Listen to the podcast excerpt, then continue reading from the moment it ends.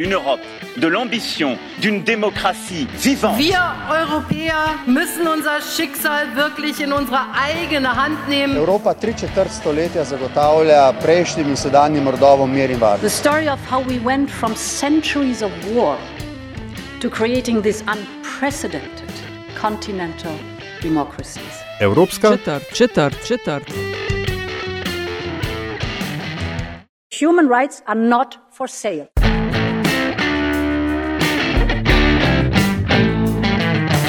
Spoštovani in cenjeni, dobrodošli v podkastu Evropska četrt, podkastu o vsem, kar vas bo zanimalo o Evropski uniji, pa niste vedeli, koga vprašati. Evropsko četrt vodiva Nataša Briški in Aljaš Pengov Pitenc. Podcast domuje na spletni postaji metinalista.si v vašem nabiralniku pa sveža epizoda takoj, ko je na voljo. V preteklih epizodah sva se z Aljažem dotaknila tem, kot sta vladavina prava in umetna inteligenca, zajetni področji, katerima se bova brez dvoma še vračala. No, obe temi pa sta tesno povezani tudi z vprašanjem spoštovanja človekovih pravic in prav tega se bova tokrat lotila, ampak z ene druge perspektive in sicer z vidika eh, informacijske poblaščenke, izkušenj in praks tudi v Evropski uniji, sploh v zadnjih eh, slabih dveh, recimo temu, COVID-nih letih. Uh, ja, in um, če ti po pravici povem, Nataša, si jaz do pred ne, dvema letoma uh, urada informacijskega poplaščenca ne bi predstavljal kot tistega državnega organa, ki bo uh, na okopih človekovih pravic tako pogosto in uh, včasih tudi tako zelo ostro. Pa mislim, da je zato prav, da se danes. Tudi o teh vprašanjih, kako je do tega prišlo, ali, ali je bilo to v načrtu ali pač plot na ključi, pogovoriva z informacijsko povlaščenko, mojco prelesnik, jo prav lepo pozdravljam. Dobro dan. Dobar dan, pozdravljeni. Pozdravljeni. Um, mogoče, evo, čisto za štart, eno takšno lahko vprašanje, ker veliko krat v različnih podcastih, ki jih delamo, o tem debatiramo, ampak kako se je recimo za vas, tako osebno, življenje v zadnjih, recimo, COVID-nem letu in pol, dveh, spremenilo, pa tudi za samo inštitucijo. Ker zdaj toliko nekaj let ste že uh, na čelu te inštitucije, pa kako je bilo, ne vem, 2020 drugačno od, ne vem, 2017, 2018, 2019. No, spremenilo se je sigurno um, veliko stvari, um, v smislu spremenjenega življenja, tako kot vsem ostalim. Kar se pa tiče informacijskega pooblaščenca, pa v resnici naše pristojnosti ostajajo nespremenjene. Ne? Mi smo nadzorni organ za varstvo osebnih podatkov na eni in pritožbeni organ na področju dostopa do informacij javnega značaja na drugi strani. In mi to svoje delo upravljamo tudi v čas epidemije. Skratka, mi smo državljanom na voljo. Za nasvete vsak dan v telefonskem dežurstvu pišemo mnenja, obravnavamo prijave, pritožbe, Um, ja, kar se pa same organizacije dela, je pa tudi pri nas sedaj več dela od doma. Um, stike s strankami ohranjamo največ po telefonu, pa uh, prek elektronske pošte. Seveda, tako kot vsi ostali, skrbimo tudi za ukrepe za zagotavljanje varnega delovnega okolja. In kar nekajkrat moram reči, um, so tudi nas že obiška, obiskali inšpektori, ki seveda preverjajo izvajanje teh ukrepov. Ampak jaz lahko z veseljem rečem, da je naše delo, ne glede na spremenjene razmere, um, vse čas teklo gladko. No, vsi sodelavci, moram reči, da so se zelo, zelo hitro prilagodili na nove razmere. Zdaj, kar se pa samega obsega dela tiče, pa je statistika informacijskega pooblaščenca um, tako glede upravljenega dela, kot samega števila prejetih prijav in pritožb, um, lani v resnici presegla vse dosedanje rekorde in ta trend se še vedno zvišuje. Um, zdaj, obdobje zadnjega leta in pol, oziroma zdaj že proti dvem letom, nekako gremo, ne, um, pomeni za naš organ bistveno večjo obremenitev, ker tudi stiske ljudi o katerih je bilo v tem času veliko govora, se tudi pri našem delu odražajo. Ne? Ljudje so obupani, um, veliko krat ne vedo več, na koga se obrniti, in res se čuti nezaupanje ljudi, tako vladne ukrepe, in potem se to odraža v povečanem številu tako pritožb. Na področju dostopa do informacij javnega značaja, kot bom kar rekla, nedostopu do informacij za medije, in pa seveda na koncu tudi število prijav na področju varstva osebnih podatkov. Um, Nekako me je ob začetku te epidemije in um, navala um, na hitro nastajajoče zakonodaje in potem um, tudi vladnih odlokov, priznam, ne, presenetilo, da je prav vaš organ, ne, zapravo, urad informacijskega pooblaščenca, bil tisti, ki se je tako jasno postavil v bran, predvsem najprej zasebnosti državljanke in državljanov. Spomnim se tistega enega od teh PKP-jev, ki je posegel v zakon o policiji in, in, in tako dalje. Um, kako je, mislim, a, a, a je bil to vaš, že skozi, bom rekel, vaš delokrog, pa je zdaj, je tako, so tako karte padle, da, da, da ste vi v spredju, ali je to nekaj, ko ste rekli, hop, to bi pa tudi lahko bilo v našem delokrogu, pa ker nihče drug nič ne reče, bomo pa mi. Ne, ne, um, mi smo državni organ, to pomeni, da se moramo res držati um, gabaritov, ki nam jih zakon daje in seveda pri nas tudi ustava. Um, dobro je za naš organ to, da pri nas sta obe te dve pravici, tako pravica dostopa do informacij javnega značaja, kot pravica varstva osebnih podatkov, um, ustavni pravici. In um, Zato mogoče se nas je um, slišalo tudi toliko več.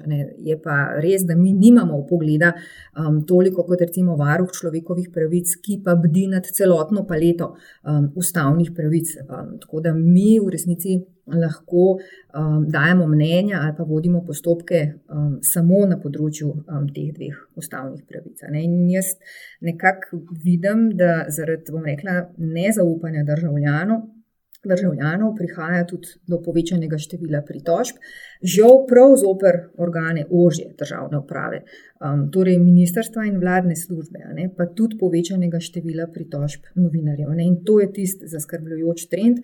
Bom rekla, da tudi mediji, ki informacije zahtevajo, prav zaradi javnega poročanja teže pridajo do informacij ne, in da so se tudi odzivni časi um, zavezancev podaljšali, so bistveno, bistveno slabši kot uh, pred epidemijo. Ne. In jaz mislim, da v tem času, če kaj, se pa je zelo jasno pokazalo, um, kako nujno je imeti na eni strani transparentno javno upravo in seveda zagotovljen učinkovit dostop do informacij javnega značaja in pa varstvo zasebnosti v tem obdobju um, drastičnih omejitev temeljnih človekovih pravic. Um, omenjate rekorde. Me zanima, ko vem, se stankujete, ko se slišite s kolegi, ki delujejo po drugih državah v Evropski uniji, a so izkušnje podobne, a se da zaznati kakšne vem, podobnosti in razlike. No, Um, Tle je treba omeniti, da so države članice um, prav obdelave osebnih podatkov um, s pomočjo seveda najrazličnejših aplikacij in tehnologij prepoznale kot eno od temeljnih orodij za obvladovanje epidemije. In pogosto se nam zdi, da doživljamo pri varstvu osebnih podatkov en tak dramatičen korak nazaj. Ne? Zato um, tako Evropski odbor za varstvo osebnih podatkov, kamor smo vključeni vsi državni nadzorni organi znotraj Evropske unije, um, kot tudi Svet Evrope, pa ne na zadnje, tudi Svetovna skupščina za zasebnost in potem seveda z njimi tudi vsi nadzorni organo, organi za varstvo osebnih podatkov od leta 2020 opozarjamo isto. To pa je, um, da morajo biti vse aplikacije, vsi ukrepi in vsi drugi načini obdelave osebnih podatkov za samo učinkovito obvladovanje epidemije sorazmerni in seveda tudi v skladu z vsemi temeljnimi načeli um, varstva, osebnost, uh, varstva zasebnosti. V resnici vsi ponavljamo vse čas isto, torej iščemo pravo ravnovesje med pravicami. In, um, zdaj, kar se same statistike tiče, smo um, državni organi. Za varstvo osebnih podatkov, uh, glede na velikost držav, um, v resnici neprimerljivi. Ne? Ampak to iskanje ravnovesja med pravicami je pa ključno in tisto osnovno poslanstvo nas vseh. Je pa res, da je v večini držav to nekaj, kar oblast, bom rekla, od nadzornih organov pričakuje in zahteva. Ampak aktualna oblast v Sloveniji pa je bila žal prav v poročilu Sveta Evrope.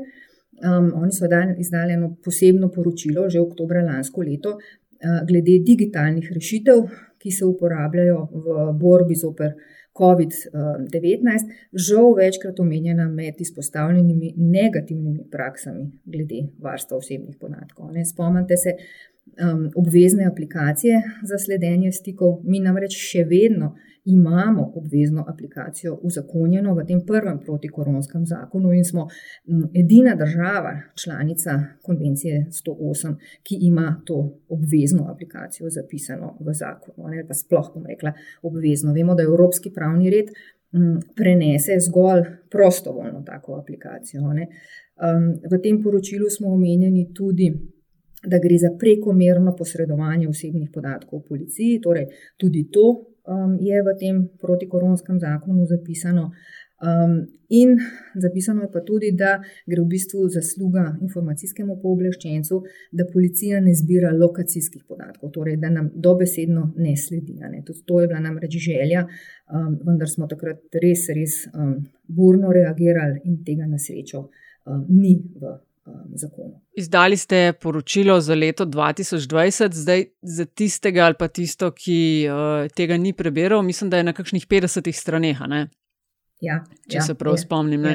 Uh, kaj bi rekli, da so, če se da, ne vem, v nekaj stavkov, uh, glavne poudarke in izsledke? Ne? Jasno je, da smo živeli v razmerah še vedno no?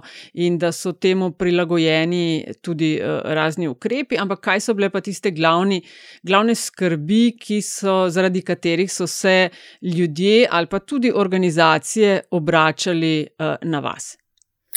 No, v resnici vsako leto pri informacijskem pooblaščencu imamo en nabor primerov vsebinsko, ki se ne spreminja že vrsto leta. Ne.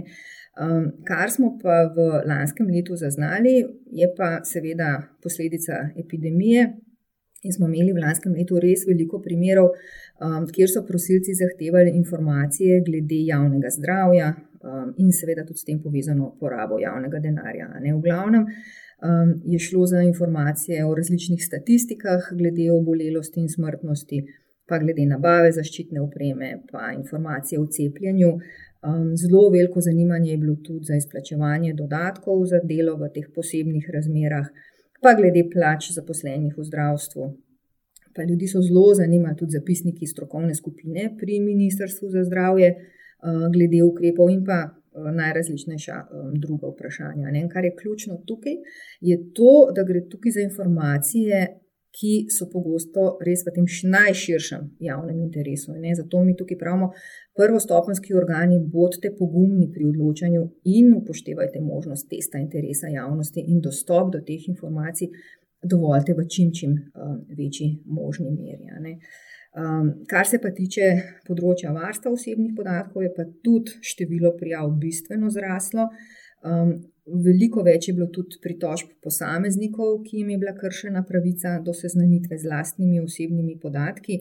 Um, moram pa reči, da nekako do hudih težav ali pa stisk in pa posledično tudi kršitev pa je prihajalo prav zaradi nejasnih navodil um, oblasti glede izvajanja teh vladnih ukrepov. Ne. Zato um, posameznih vlad, teh uradnih odločitev v praksi v resnici sploh ni bilo mogoče izvajati. Ne. Dogajalo se je pa tudi, da so različni govorci na novinarskih konferencah dajali povsem, povsem različna pojasnila in odgovore. Recimo, spomnite se te no, na narekovajih nesrečne prijave na EU pravo. Torej, ali smo se prijavili na cepljene, ali smo se prijavili na nek um, vrstni red.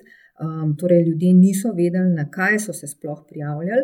Um, oblast je pa seveda obdelovala um, osebne podatke uh, posameznikov. Torej, kar smo mi tukaj terjali, je bilo to, da se ljudem jasno pove, zakaj se njihovi podatki zbirajo, ali so se prijavili v kakšen vrsten red, ali so se prijavili na cepljenje, ali se niso. Ne? Na koncu se je seveda izkazalo, da se niso ne? in da tudi nikoli ni bil namen, um, da bi se postavili v vrstni red za cepljenje, ker takrat tudi cepiva.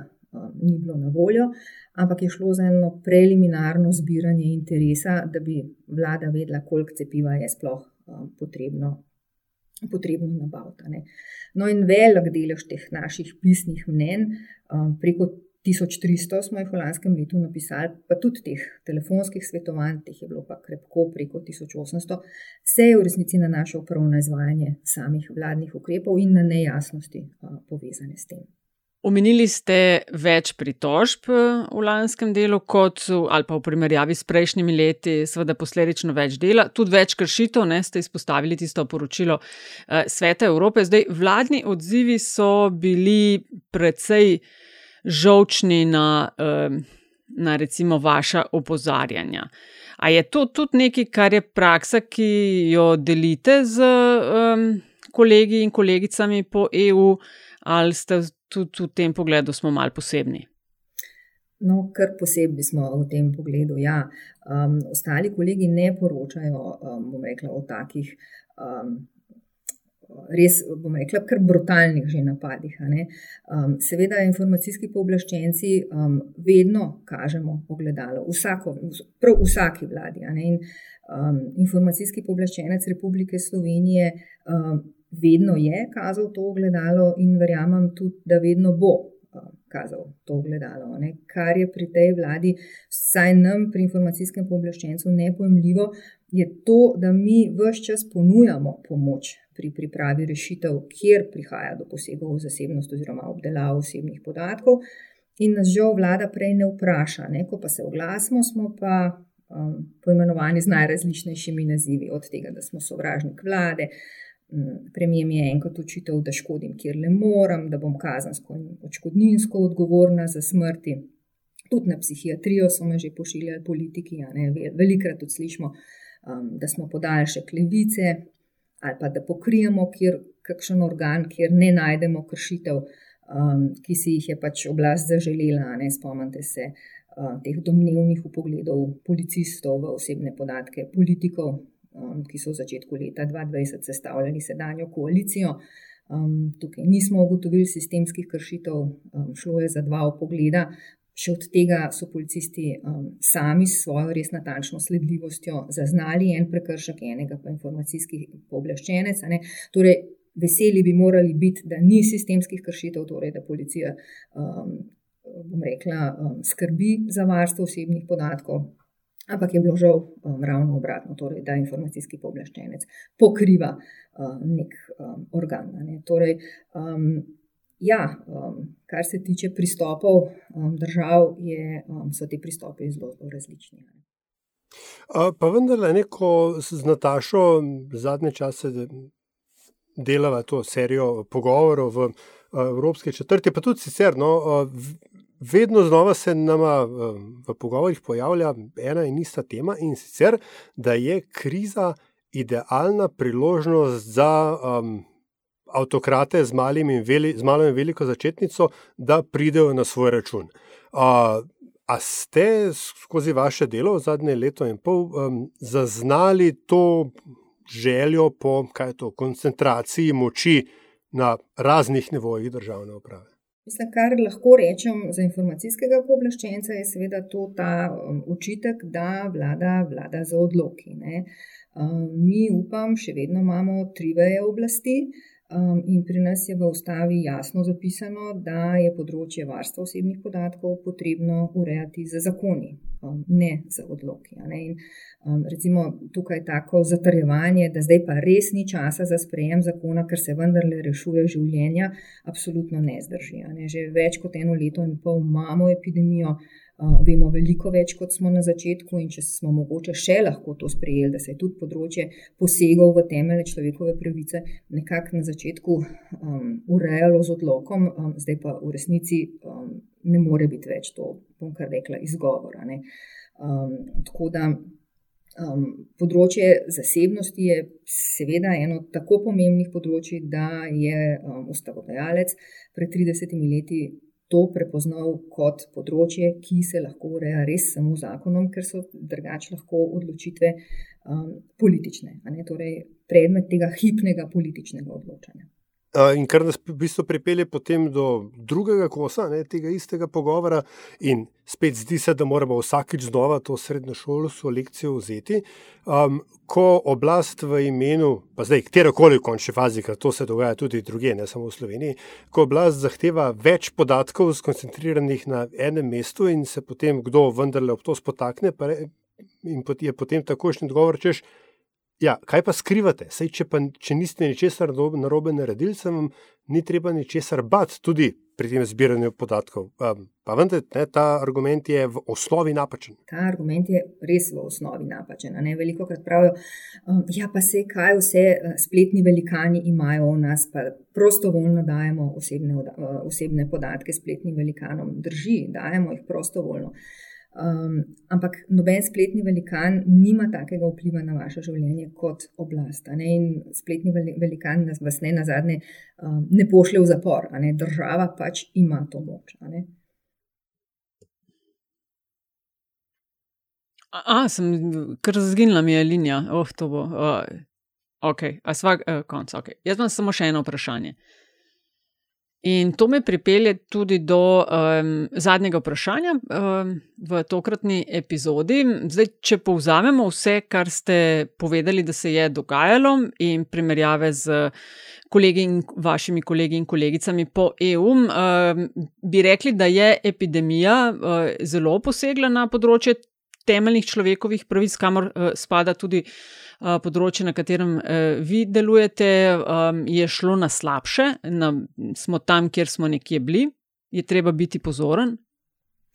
No, jaz mislim, da je treba biti zelo, zelo pozoren. Um, take situacije, kot epidemija je, um, lahko drastično zmanjšajo človekove pravice. In, um, kot smo že rekli, eno tako celotno sliko pregleda uh, posegov v temeljne človekove pravice bi varuh človekovih pravic lahko dal. Um, vsekakor gre pa za cel kup uh, omejitev, o teh bo najbrž v bodoče še veliko govora. Um, zdaj, v nekaterih so se ustavni sodniki in sodnice deloma že izrekli, ne? v mnogih se bodo še morali. Um, vse kot lahko spremljamo, je v bistvu teh zahtev za presojo ustavnosti res, res izjemno veliko.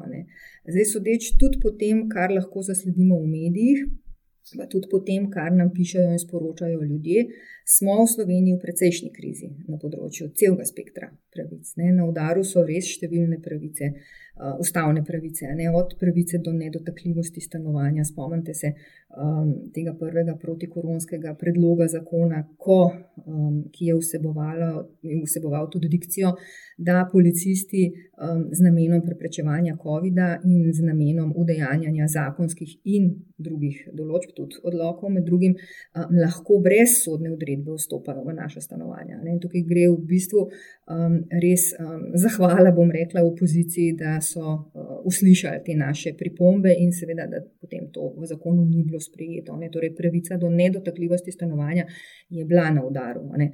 No, pa tudi, seveda, pravica do varstva tajnosti pisem in občil, nesporno svoboda izražanja, ne v sklop katere sodi tudi dostop do informacij javnega značaja, pa pravica do zbiranja in združevanja, pa pravice otrok, predvsem pravica do izobrazbe in šolanja. Skratka, cela paleta pravic je na udaru. Moj predvisnik, ko je septembra leta 2003 začel delovati poblašenec oziroma urad informacijskega poblaščenca. Um, Se je to takrat zdelo tako mečken efemerno, ne? časi so bili dobri, uh, Slovenija je imela eno resno zgodbo, ki je bila tik pred vrati, to je bil vstop v, v Evropsko unijo, pač ena klukica na spisku teh stvari, ki jih moramo imeti za to, da smo člani. Um, dan danes, ne, kot smo zaradi posili razmer, uh, uh, ste, imate toliko dela, da se da vidite, če zelo, če zelo ga to povzamem. Kako vi vidite prihodnost vaše inštitucije? No, jaz um, naš urad um, vidim kot, kot bom rekla, en, en branik uh, demokracije. Ne? Um, ne na zadnje smo tudi na vse te pritiske opozarjali letos junija um, skupno izjavo štirje uh, neodvisni državni organi. Ne? Torej, um, mi v resnici upravljamo delo povsem enako kot to počnejo drugi nadzorni organi v vseh državah, EU pa ne na zadnje tudi drugot po svetu. Um, gre pa za nedopustne pritiske, ne le na nas, ne tudi drugi neodvisni državni organi, celo sodstvo um, se um, soočajo z njimi. Ne? Zato se mi zdi ta izjava um, ki smo jo podpisali, um, še toliko bolj pomembna. Zdaj, če bodo v Sloveniji, bomo rekla, kar dokončno utihnili neodvisni organi in mediji in stroka, um, bomo padli v, v brezno, iz katerega se ne bomo uh, pobrali še dolga leta. Postavljava tokrat piko tu, ampak veva, da se k temi še vrnemo. Uh, Mojca Prelesnik, informacijska pooblaščenka, najlepša hvala za gostovanje v podkastu Evropska četrt. Hvala tudi vam za povabilo. To je bila Evropska četrt, 80. v podkastu Vesolju. Hvala za vašo pozornost, predlogi in mnenja pa so kot vedno zelo dobrodošli. Hvala pa tudi za pohvale in kritike, ki jih delite z nama, in res hvala za investicije, ki jih namenjate razvoju in produkciji naših vsebin. Avtor glasbene podlage je Peli iz podcasta. Upravičujemo se za vse neušečnosti. In če vam je vsebina všeč, bo pomagalo, da nas najde še kdo, če naj ocenite pri vašem izbranem podcast ponudniku. Sicer pa hvala za vašo družbo in se spet slišimo res malo.